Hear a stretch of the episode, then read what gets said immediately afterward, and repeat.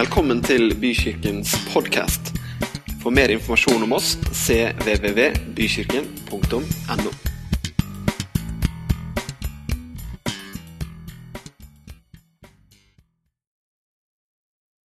skal aldri mer tørste. For det vannet jeg vil gi, blir i ham en kilde med vann som veller fram og gir evig liv. Jesaja 58, 11. Herren skal alltid lede deg og mette din sjel i det tørre landet. Han skal styrke kroppen din så du blir som en vannrik hage, en kilde der vannet aldri svikter. Johannes 7, 37. På den siste dagen i høytiden, den store festdagen, sto Jesus fram og ropte, 'Den som tørster, skal komme til meg og drikke.' 'Den som tror på meg, fra hans indre' skal det, som Skriften sier, renne elver av levende vann. Dette sa han om ånden de som trodde på ham skulle få. Så Jesus han har kommet for å gi oss et helt annet utgangspunkt for å leve. Han har planta en kilde inni oss. Og det er det livet det er det livet vi skal leve. Og da blir ikke vi bare vanlige samfunnsborgere som liksom går inn og passer inn og, og fyller vår liksom, samfunnsrolle, og, og så var det det.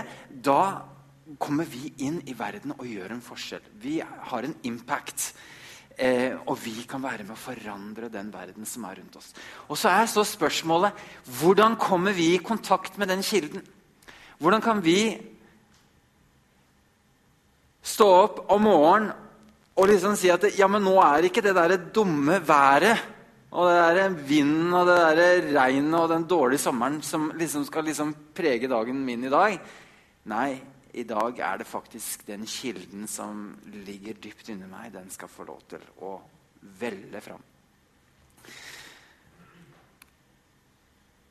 Jeg har fire disipliner.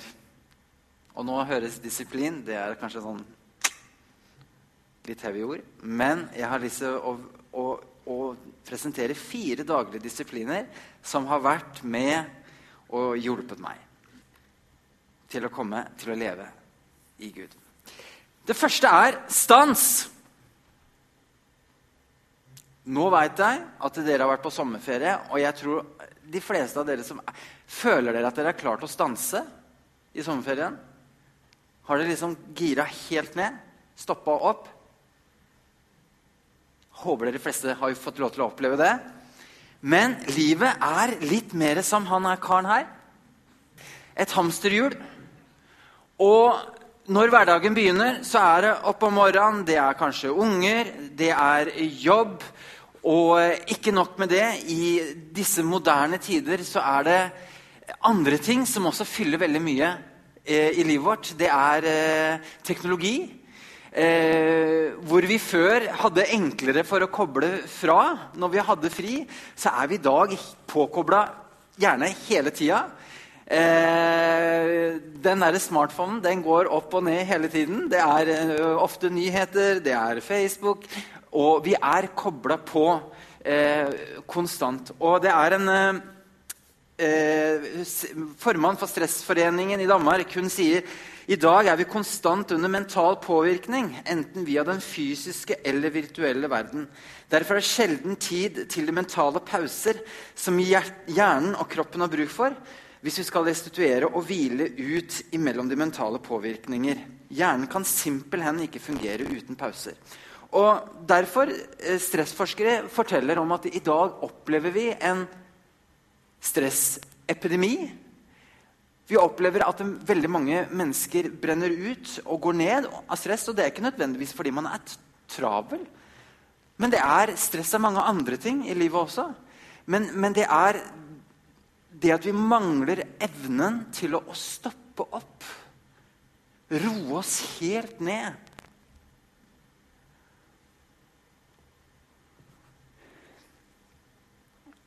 Og Bibelen sier stans og innse at jeg er Gud.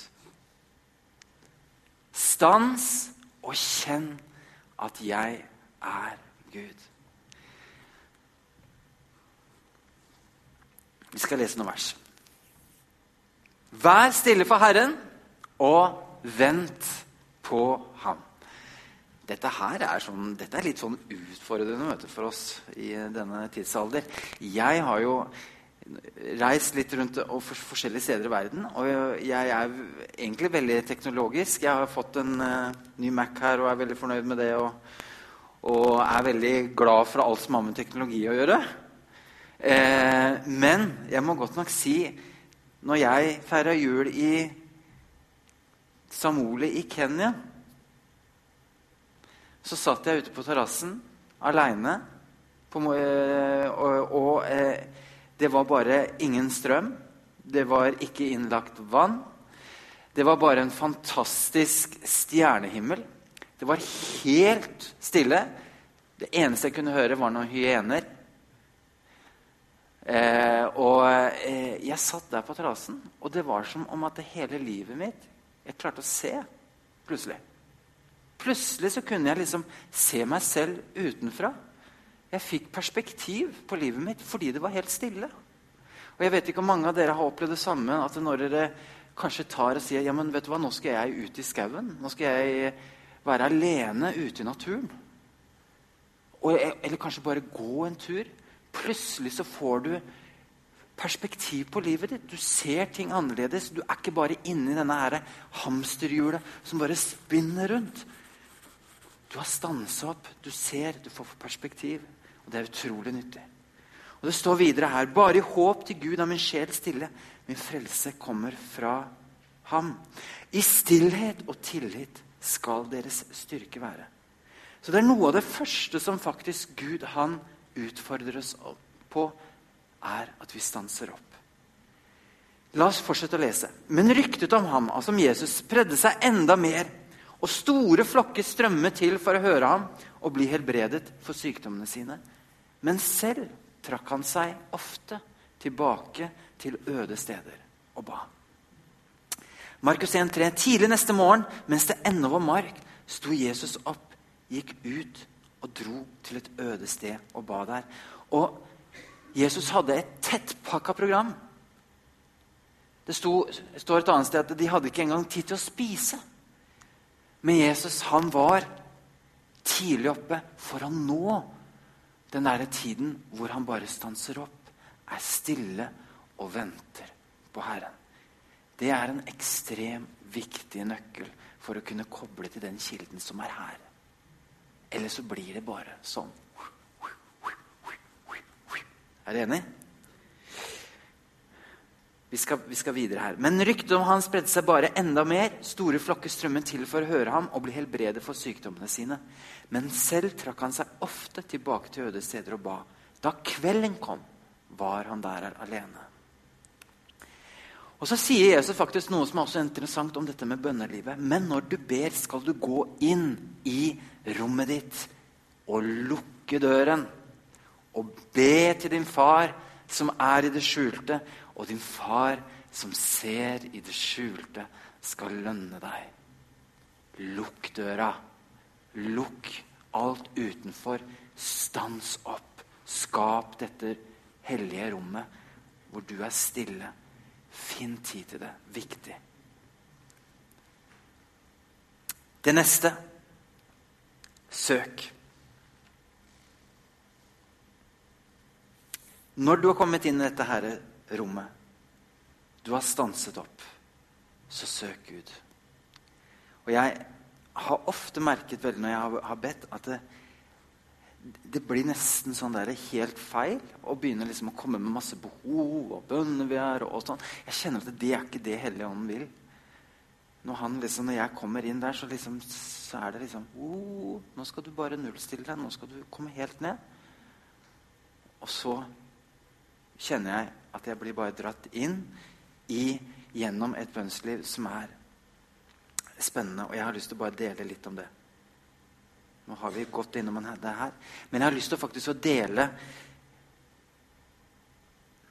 en oppskrift, en kode, på et fantastisk bønneliv. Og det begynner sånn.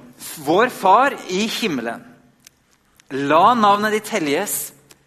La riket ditt komme. La viljen din skje på jorden slik som i himmelen. Gi oss i dag vårt daglige brød, og tilgi oss vår skyld, slik også vi tilgir våre skyldne. Og la oss ikke komme i fristelse, men frels oss fra det onde. For riket er ditt, makten og æren i evighet. Amen. Det var den bønnen som Jesus lærte oss å be. Og jeg tror at denne bønnen her, den forteller oss litt om prosessen i å søke Gud når vi er sammen. Hvis vi legger på disse her Det første vår far. Når du søker Gud, så starter det alltid med din relasjon til din far. Han ønsker først og fremst å ha en relasjon med deg. Han ønsker å koble med deg. En intimitet hvor han er din far, hvor du er hans barn. Og hvor du trekker deg nær til ham. Og du kjenner bare alt hva du eier og har fordi du er hans. Det er der det starter. Så går vi videre i bønnen. Det er Jesus som underviser oss i det her. La navnet ditt helliges. La riket ditt komme. La viljen din skje på jorden, slik som i himmelen. Jesus han leder oss videre inn i det som er innvielse og tilbedelse. La riket ditt komme. La viljen din skje. I dag og det, det som er Senere så står det 'gi oss i dag for daglig brød'. Dette her er en daglig bønn. Det er en bønn som handler om nå. Og i dag så innvier jeg meg. La din vilje skje med mitt liv, Gud. La ditt rike komme. La navnet ditt helliges. Herre, jeg gir meg selv til deg. Det er en tilbedelse. Det er en nærhet. Så kommer behovene. Gi oss i dag vårt daglige brød, og tilgi oss vår skyld, slik som vi også tilgir våre skyldnere. Og la oss ikke komme i fristelse, men frels oss fra det onde. Og så kommer vi tilbake igjen til innvielse og tilbedelse. For riket er ditt, makten og æren i evighet. Amen. Og det er dette bønnslivet Det er dette som Gud han inviterer deg inn til å oppleve og leve i hver eneste dag. Og da kobler du deg på kilden. Da begynner du å leve innenfra og ut. Det er ingen annen vei. Så er det det neste. Studer. Vi går rett på bibelvers. Salig er den som ikke følger lovløses råd, ikke går på synderes vei og ikke sitter i spotters sete, men har sin glede i Herrens lov og grunner på Hans lov dag og natt. Han er lik et tre plantet ved rennende vann. Det gir frukt i rett tid, og løvet visner ikke. Alt han gjør, skal lykkes. Tredje nøkkel altså, for å koble seg på kilden er å studere. Og egentlig så handler veldig mye av den talen som jeg holder nå, den handler veldig mye om fordypelse. Den handler veldig mye om, om å gi rom til ettertenksomhet. Og Derfor har jeg kalt det 'studer', fordi vi lever i et samfunn hvor vi konsumerer enorme mengder informasjon. Vi leser, og det går fort, og vi skanner, og vi har utvikla eh, hva skal man si, Vi utvikla hjernen vår sånn at vi kan skanne og, og, og motta masse informasjon. Men her sier Guds ord grunn. Mediter. Studer. Gå dypt på tingene. Du vet, Ellers så blir det som et tre uten røtter. Det blir veldig grunt. Du må faktisk ned i dybden. Du må grunne på ting, du må studere på ting for å få fatt i næringa. Og hvis du gjør det, så forandrer det rett og slett livet ditt. jeg har gått i, i, ganske lang tid og savna virkelig å, få studere. Eh, og jeg kom til det tidspunktet hvor jeg blei så frustrert av å bare liksom sitte og så Ja, ja, hva skal jeg lese i dag? Og ja, ja, da les Markus evangelium ja, mm, mm, mm, Lese litt sånn. Bom, bom, bom. Og så kanskje seinere så finner man Ja, hva skal jeg lese nå? Og så blir det litt sånn oppstykka. Det blir litt sånn tilfeldig. Man sitter og er litt, kanskje litt sånn halvtrøtt. Og merker at det, jeg vokser ikke. Og så tok jeg opp igjen mine teologistudier, som jeg har holdt på med før. Hvor jeg kjører et program et, uh, Hvor jeg følger et, uh, et program uh, hvor jeg virkelig får tid til å studere, og hvor jeg har veiledning. For det er noe av det som er veldig vanskelig for oss når vi har så tilgang til så enormt mye informasjon. Det er faktisk å finne ut av hva er det jeg skal studere. Hva er det jeg skal fokusere på. Man blir, kan bli litt sånn svimmel av all den informasjonen som skjer. Og Man kan høre én preken, og man kan høre en annen, og plutselig så er man mange steder. Og det er bra, det også. Men vi har bruk for å fordype oss, finne emner, eller studere Bibelen på en mer dybdegående måte. Eh, det vil forløse noe i livet ditt. Og jeg må si for meg å begynne å studere igjen har forandra livet mitt. Jeg føler at jeg, jeg er i et flow med Gud som jeg er lenge siden jeg har hatt. Eh, etter jeg begynte med det.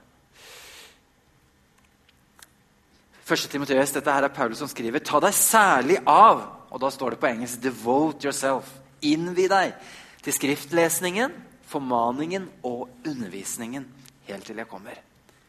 Og han sier vil ta deg særlig av. Dette er ekstremt viktig. At dere søker Gud i Skriftene. Dere får, og undervisningen. Vi blir platte. Vi blir overfladiske. Vi mangler dybde hvis ikke vi fordyper oss. 2. Timoteus 4,13. Her sitter Paulus i fengsel. Og han fryser, og han skriver Når du kommer, må du ta med deg kappen som jeg lot bli igjen i Troas hos Karpos, og bøkene. Framfor alt pergamentrullene. Og vi kan liksom tenke hva er pergamentrullene? Det, det kan være flere ting, men det kan også være eh, hellige skrifter eh, og, eh, så videre. Men det var helt tydelig at for Paulus så var det dette med bøker. Dette å studere og leve i det var enormt viktig for han i, i fengselet. Han mangla kappa si, han satt der og frøys. Og han mangla bøkene sine. Og jeg kunne godt tenke meg at vi hadde blitt sånn, vi òg. Jeg gleder meg bare til å sitte og lese og studere og vokse.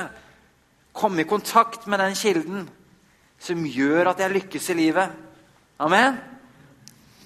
Da har vi tre. Den første var stans. Søk. Studer. Og så skriv. Dette var kanskje ikke sånn veldig eh, at jeg hadde regna med. Men skrive faktisk har en enorm sterk funksjon. Og det vet jo dere som er lærere. Dere vet at det, gjennom å skrive så oppstår det en læringsprosess som er mye sterkere enn hvis man bare sitter og hører. Det er akkurat som man materialiserer det man sitter og, og, og jobber med inni seg. Det får, en, det får, en, fysisk form. Og Jeg tok med denne her i dag, for jeg viste at jeg har begynt å skrive dagbok. Det har jeg ikke gjort alltid. Men jeg har funnet det som enorm eh, hjelp til meg til å kontakte komme i kontakt med kilden og faktisk sette meg og skrive. Og jeg skal ta fram, jeg skal snakke om noen forskjellige grunner til hvorfor vi burde skrive. Jeg har en sønn som skriver. Jonas. Skriver fantastisk. Eh, og skriver bøker og legger ut og greier. Så det, det er fantastisk. Eh, første en hjelp til selvinnsikt og evaluering. Når man setter seg ned og skriver, så er det akkurat som at man på en måte liksom ikke bare sitter og, og, og, og, på en måte blir oppslukt av sine følelser, men man klarer liksom å sette ting litt i perspektiv. Eh, man, kan, man kan sitte ned, skrive Hvordan har jeg det? Sette ord på hvordan jeg egentlig har det. Og den prosessen kan være veldig nyttig til å forstå hvor man er i livet. Eh, jeg har hatt veldig bruk for det, også spesielt i vanskelige perioder i livet mitt. Å sette ned og, og, og, og skrive hvordan jeg egentlig føler og har det. Eh, og det har hjulpet meg til å liksom se hvordan jeg har det. En annen ting enkle å konsentrere seg når man mediterer over Guds ord. Hvis man sitter med en penn Jeg vet ikke hvordan du har det, men, men, men ofte så er det sånn at man, man kan, tankene kan fort forsvinne et annet sted.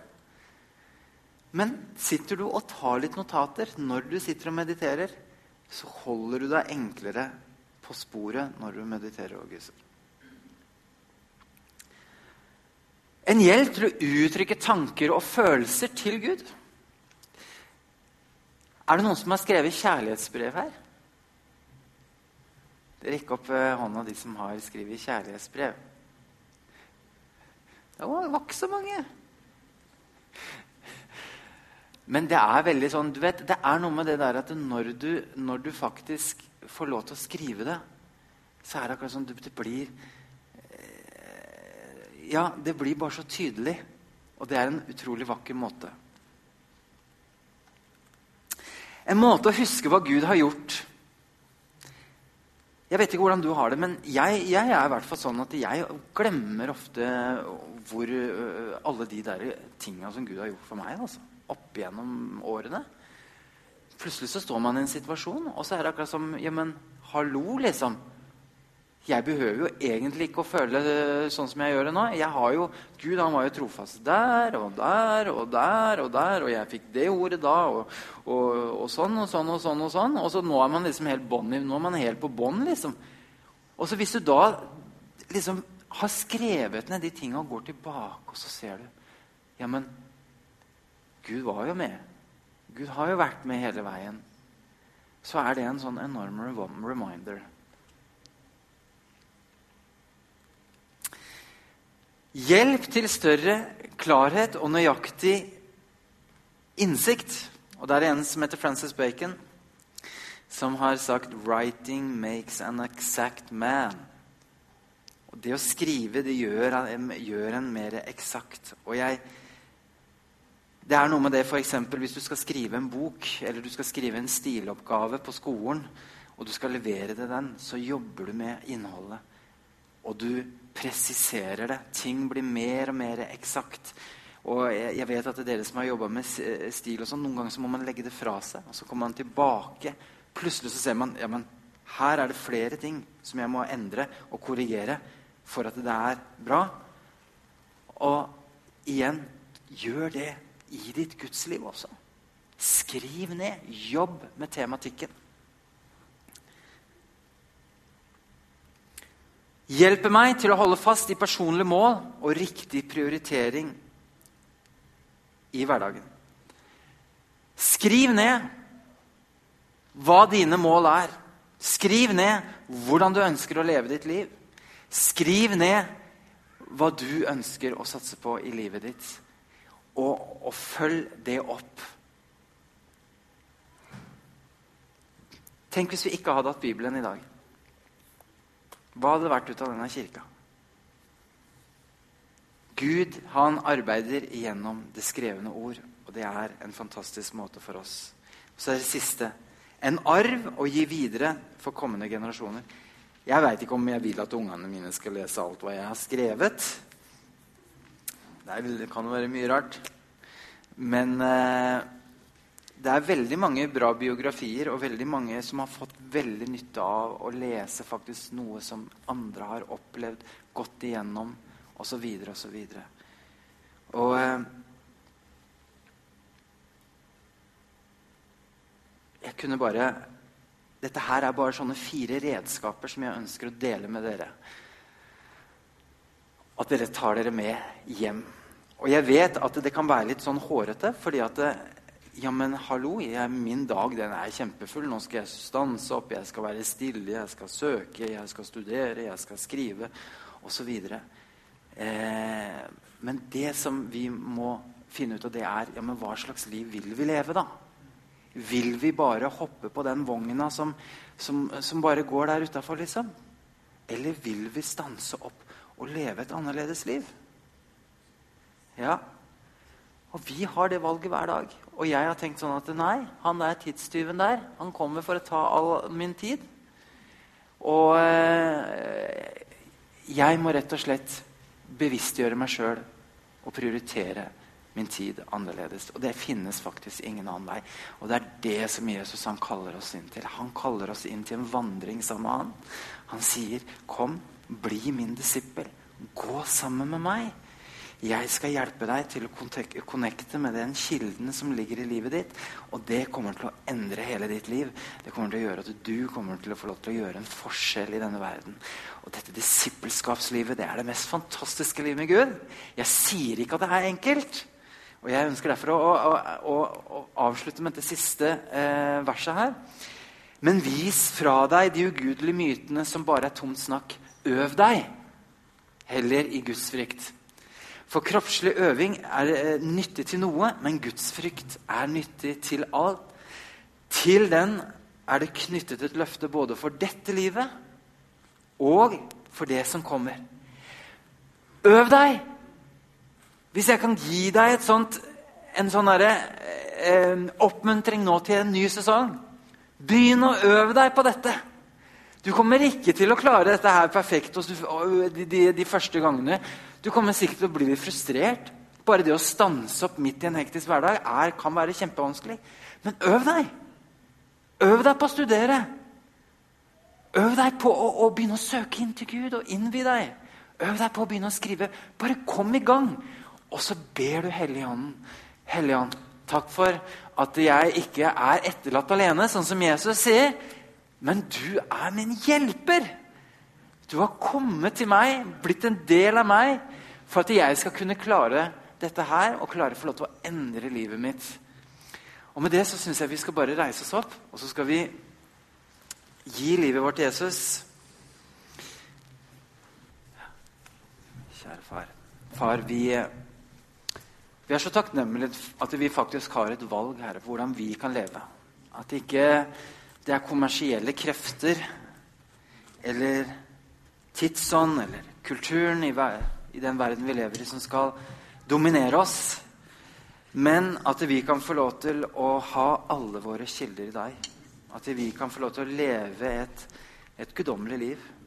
Hvor vi får lov til å koble til deg og få lov til å stå opp om morgenen Herre, og, og plugge vår kontakt inn i stikkontakta di og bli koblet på den strøm, Herre. Koblet på den kraft som du har. Som som kan være med å forandre denne verden, Herre. Og som kan være med å forandre det livet som vi også lever i hverdagen, Herre. Herre, vi ønsker ikke å leve i morgen. Vi ønsker ikke å leve i går. Vi ønsker å leve i dag. Vi ønsker å leve fullt ut, helt sammen med deg, kobla til deg, for det som du har for meg i dag, Jesus. Takker deg, far, for at jeg får lov til å være ditt barn, Herre. Kjære far.